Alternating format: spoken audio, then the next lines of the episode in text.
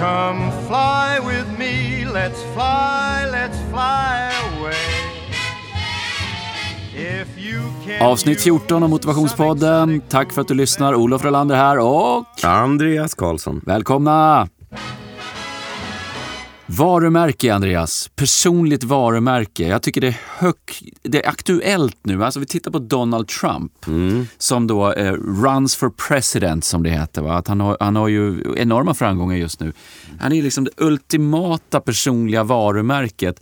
Jag personligen har ju svåra, svåra problem med den mannen.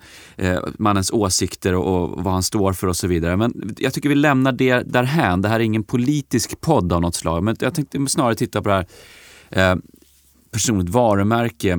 Eh, är det någonting man bör eftersträva? Eller ska man, ha, ska man ha, vara lite skeptisk emot det där? Ska man, eh, ja, ska man göra sig till ett personligt varumärke? Eller är vi en del av en, ett samhälle som man kanske inte riktigt eh, egentligen vill ha? Eh, hur ser du på, på det här med personliga varumärket? För du, du jobbar ju mycket med ja, det. Nej, men alltså, om man först liksom ska reda ut sådär, vad är ett personligt varumärke? Så är ju i stora drag ett personligt varumärke vad andra människor säger om dig när du inte är närvarande. Så att egentligen så blir ju ett varumärke ett förtroendekapital. Alltså någonting som man kan växla in när det behövs. Man är, man är en person som kommer med en förväntan för att folk har redan en uppfattning. Och den här uppfattningen får ju då eh, baserat på vem man är bli positiv eller den kan vara negativt. Åh nej, nu kommer Andreas Karlsson, han är liksom så jobbig och högljudd och, och liksom snackar massa saker som man aldrig får ihop och som man aldrig håller. Eller, här kommer den här trevliga killen som har en bra värdegrund och som, som vore kul att jobba med. Han har massor med bra idéer. Och det här behöver ju inte alltid vara baserat på fakta utan det kan ju faktiskt vara vad andra människor tycker, vad de liksom upplever. Sådär. Så att ett, ett personligt varumärke, och jag blev lite utskrattad i tv en gång när jag sa att alla är personliga varumärken. Från att vi vaknar till att vi går och lägger oss. För att alla människor har en, en uppfattning om hur man bör vara i den rollen man till exempel är. Man blir inte så, man uppskattar inte en, en banktjänsteman som sitter i, i t-shirt och förhandlar bolån för att just då hade han tvättstugan den dagen så han har kört in sin, sin skjorta och, och, och så han har liksom tagit någon solkig t-shirt och sitter utan man, alltså varumärke och en förväntan ligger ju också lite i paritet det här med att vi älskar att kategorisera människor. Vi ser vad vi brukar kalla för archetypes. Så att allt det här, om man vänder det till sin fördel så kan man ju vara, man kan vinna väldigt mycket ut av att ha ett starkt varumärke. Och jag, jag skulle vilja säga så här, varumärken är ju intressanta då för att man, eh, de bygger på tydlighet. Ehm, och, och det bästa varumärket någonsin, eftersom man aldrig frå, man, man, man frågasätter aldrig tydlighet. Jag brukar säga ibland när jag är ute och pratar att Stålmannen, han måste ju vara bäst. Han måste ju vara det bästa varumärket. Trots att han springer runt i, i någonting som ser ut som en pyjamas som jag hade när jag var liten. En slängkappa och röda kalsonger så är han liksom det tuffaste som finns. Så att jag, jag beundrar de som bygger varumärken och jag fascineras lika mycket av de som bygger varumärken med tvivelaktiga förtecken, om vi för att återknyta till Donald Trump. Han har ju förstått att en styrka som varumärke är att vara fascinerande. Och Gene Simmons sa till mig en gång att fascinating means that you don't switch the channel. Och jag kan, precis som du, tycka att Donald Trump är, han är förkastlig och det han säger är, ja, det är fruktansvärt och han kommer förmodligen förstöra USA totalt när, om han nu skulle vinna. Men han är fascinerande. Han är tydlig, han har en, en frisyr som är en snackis.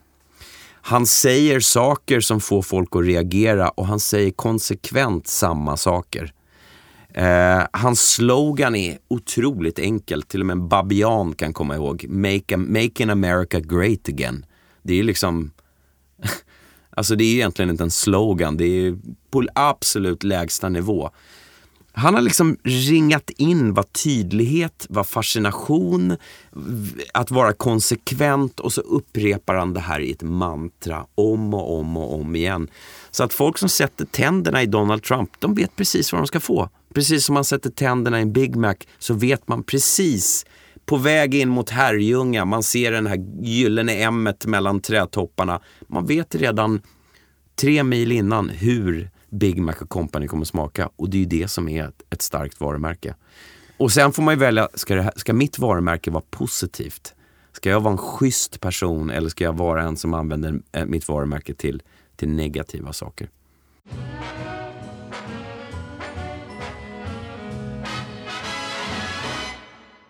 Hur tänker du där egentligen? Ja, alltså, jag är ju sådär kluven också. Alltså, jag är ju en del... Är det cyniskt?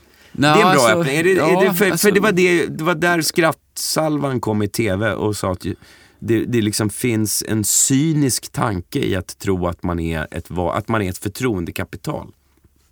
Ja, men att man går omkring och som ett vandrande varumärke. Ja, alltså, det, det, det finns ju då, tycker jag, en... en vi, vi pratar ju om motivation här va? Och, och då kan man säga så här, om de som har då bra varumärken, om du säger personligt varumärke, kan dörrar öppnas för. Vad skulle hända om jag hade fler följare på Instagram eller om jag blev tydligare i vad jag faktiskt jobbar med. Om Man kunde skaffa en grafisk profil eller att man alltid upprepar samma saker, man kanske klär sig på ett visst vis. Och det blir ju en del av ett personligt varumärke. Skulle- Blir inte det här också till en sanning? Alltså man, man, man på något sätt promotar ett varumärke så pass mycket att människor till slut tycker att det är så. Jo, det, det kan det mycket väl bli. Men, men baksidan av det där blir ju då, vill jag, vill jag vara med och- i den typen av samhälle där, där man värderas utifrån den sortens kriterier? Och där kan jag ha viss förståelse för om man, man säger att det där, det är liksom inget, man vill, man vill inte vara med på det. Och det kan jag känna med hela min, min roll i det här, hela, hela min karriär. Jag har ju alltid varit lite kluven. Alltså jag är ju jag är också en kritiker av min eget, mitt eget skrå. Eh, s- eh, Men jag vill samtidigt vara en god ambassadör för det. Och likadant, alltså, jag vet ju att det finns tillställningar, jag, jag vet att det här är det bra för mig att vara med. Det, det här är nog bra för mitt varumärke, att jag syns där eller med i de sammanhangen. Sen finns det ju andra gånger man känner att vill jag, det, det är säkert bra för mig, men jag vill inte vara med där Just ändå. Och så vidare. Så att det, jag, jag tycker det går att navigera sig fram i det här och be- behålla sin, sin värdighet i det. Men med allt det här sagt så måste jag nog ändå hålla med dig om att idag så får det här en viss effekt och Trump är ju då ett liksom, typexempel på det. Eh, men kan, jag tror att man kan lyckas med det här och bygga upp någon form av personligt varumärke utan att det, det slår över och, och att man då tappar greppet om kanske vem man är eller så. Om man ska bygga ett personligt varumärke då, om man är sugen på att, att bli en person som kanske kan åtnjuta fördelar eh, av, ett, eh, av att bygga upp, att försöka vara mer tydlig, eh, så fick jag ett väldigt bra tips en gång. Eh, och och jag, jag, jag tror ju någonstans att när man skriver en bok som vi har gjort båda två så kan man ju köpa all tunnelbanereklam i världen och det här har vi pratat om. Men är inte boken bra, hittar man inte ambassadörer eh, som läser den här boken och faktiskt rekommenderar den till andra människor så blir man, eh, så försvinner man någonstans. Det spelar ingen roll hur mycket den promotas. Och jag tror att det personliga varumärket, jag, mitt mål med mitt varumärke är egentligen bara en sak. Det är bara att Andreas Karlsson är en schysst person. Då har jag vunnit. Om folk säger det sådär, som inte känner mig, som står någonstans ute på gatan och ja, du vet han den där musik, musikkillen. Ja, men han, han har jag hört bra saker om. Han, han verkar vara schysst, han verkar vara fair, göra saker, bra saker för andra. Det, det är egentligen det enda jag vill uppnå med mitt varumärke. Jag hade en, en mentor en gång som sa, Andreas, när du ser på människor i din omgivning, tänk aldrig elitistiskt. Utan spendera mer tid på de människorna som quote on quote kanske inte har en så betydelsefull roll. Utan som jobbar som bellboys, som jobbar i kassan, Så jag liksom plockade upp det där och personligen så tycker jag det har gjort mycket mer för mitt egna varumärke som jag upplever att folk tycker genom att jag spenderat mycket tid med människor som jag träffar i sammanhang som jobbar med, med saker som har ställt upp och gjort ja, man liksom går inte på chefen högst upp på företaget utan längst ner, de som jobbar på, på golvet och spenderar tid, är nyfiken, pratar med människor och sådär. För att det är otroligt hur snabbt man kan rasera ett varumärke genom att vara otrevlig mot gemene man. Och de här människorna som sitter på toppen högst upp, de glömmer bort för de träffar så mycket otrevliga människor ändå. Men precis som bokköparna som bara har några få personer emellan sig så går det fort att rasera ett förtroendekapital, om vi väljer att kalla det för det istället, genom att vara en otrevlig människa. Mm. Det där har jag tänkt på några gånger sådär och skojat med en, en av mina vänner. att Det skulle inte ta mer än jag skulle kunna säga tre, två, tre meningar fel under ett föredrag och mina tio år skulle då vara raserade. Mina tio års uppbyggnad av de här föredragen skulle vara borta. Om jag skulle bara avsluta föredraget med att be alla dra åt skogen. Mm. Eller barnarbete är fantastiskt. Ja, eller bara säga någonting, Billig arbetskraft. Säga någonting fruktansvärt eh, kontroversiellt eller vad det nu kan vara. Eller, eller bara få ett utbrott eller vad, vad som helst. Mm. Så skulle då det i sin tur få såna, sån dominoeffekt. Mm. Och det är det tror jag gör att ens varumärke, om man nu pratar personligt varumärke eller förtroendekapital eller så, kan verkligen raseras så snabbt. Det, det, går inte att gå omkring och tänka på det för då blir man ju tokig. Mm. Men det har ändå varit en slående tanke att jag skulle kunna när som helst sabba allt jag har byggt upp bara genom att eh, säga någonting eh, väldigt, väldigt dumt som mm. sen kommer ut och så, så vidare. Men sen är det ju också så här som varumärke så så släpar man ju lite efter. Alltså den, den allmänna opinionen om vem man är kan ju aldrig springa så snabbt som man själv springer. Och eftersom jag har gått igenom lite olika branscher, eh, började föreläsa för ett år sedan. Men jag har ändå inte liksom fått epitetet så föreläsare. Jag är inte Olof Frölander på det sättet. Jag menar om folk pratar om dig så ser de direkt föreläsaren. De ser din kontur på scenen när de tänker på Andreas Karlsson så ser de fortfarande en kille som sitter över ett mixerbord med två högtalare. Även fast jag inte gjort det på många år. Så att, att svänga opinionen, vad folk tycker om en också och vad kanske man kan få, ja, men jag kanske vill att mer människor ska ringa mig nu och, och be mig komma och föreläsa än mer människor ringer och frågar om jag ska göra eh, Viktor Samir till, till Mellon. Eh, så man kan ju få, börja få rätt, an, liksom, rätt samtal av att man är mer och mer tydlig och konsekvent hur man bygger sitt varumärke. För många människor signalerar en sak och sen vill de göra en annan. Så att om man får ihop varumärkestänket och hur man presenterar sig pers som person tillsammans med vad man faktiskt är på väg och inser att det kommer ta ungefär ett och ett halvt år innan folk vet att jag är en skolmänniska. Även om det går lyckliga människor från 92 kommuner nu efter tre verksamhetsår så vet gemene man att ja, det är han, han som bedriver skola.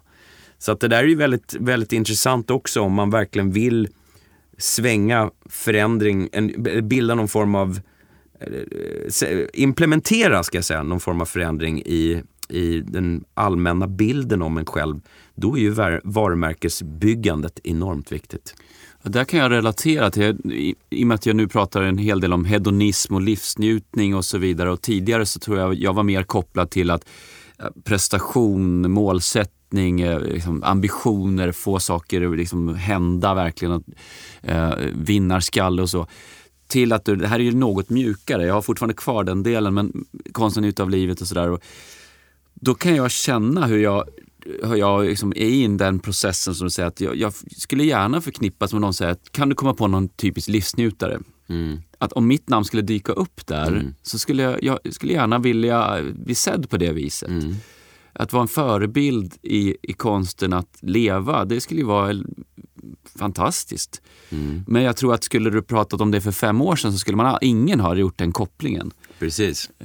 Så, så i den mån så tror jag nog att att, att eh, jag har inte tänkt på att jag har gjort, så, gjort det särskilt medvetet så, men det har jag nog eh, i, no, undermedvetet i så fall. Va? Rört mig i den riktningen, börjat prata mer om de sakerna. Jag kan se på mina inlägg på Instagram är mer kopplade till saker som har med, med livsnjutning att göra mm. Mm. än vad det var för ett antal år sedan. Mm. Och för er som lyssnar då, som tänker ja, varumärke, personligt varumärke. Egentligen så, några snabba tips då från, från mig och Olof skulle väl vara att vara konsekvent. Um, min gamla kollega Simon Cowell, tänker jag på honom i, i Idol-juryn så hade han alltid en V-ringad tröja. Man skulle, man skulle vilja glänta på Simon Cowells garderob och se liksom V-ringade tröjor i alla kulörer. Um, att folk egentligen kan sluta ögonen och se dig liksom klädsel, färg, allting framför sig.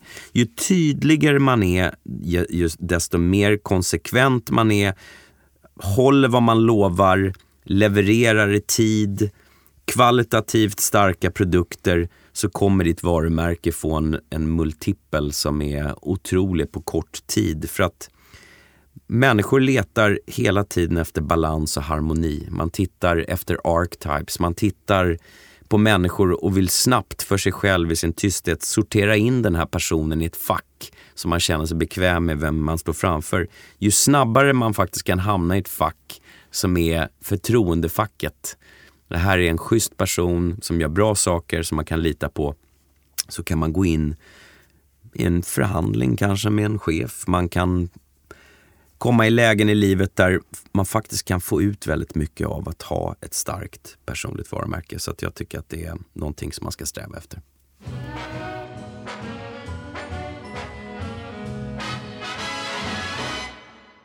Jaha, hur har ni det kära lyssnare där ute? Det är så kul ibland att tänka sig tanken på att, att eh, jag lyssnar ju själv på poddar och sådär. Eh, vart är man då och hur, hur har man det i livet? Hur reflekterar man på det som sägs? Passar här in, passar inte in och så vidare.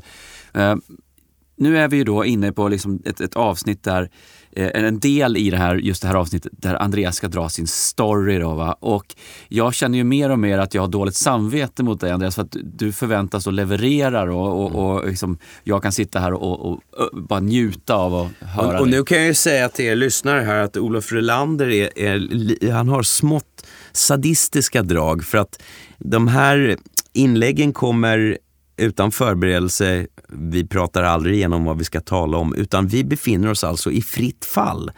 Men Olof har ibland ett litet, en liten tanke om vad vi ska prata om. Men det, jag tycker att det är spännande.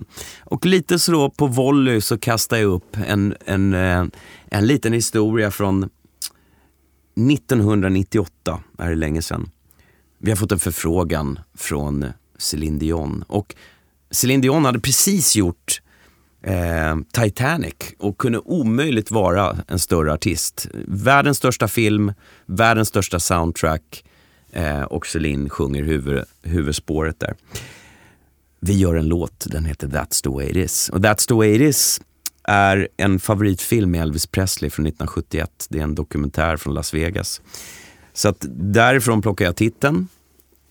Och jag har en eh, god vän som har en långväga relation med en tjej i Brasilien och han ringer mig och berättar om hur de spenderar timmar och timmar på telefonen eh, för att prata med varandra och jag tänker when you want it the most there's no easy way out.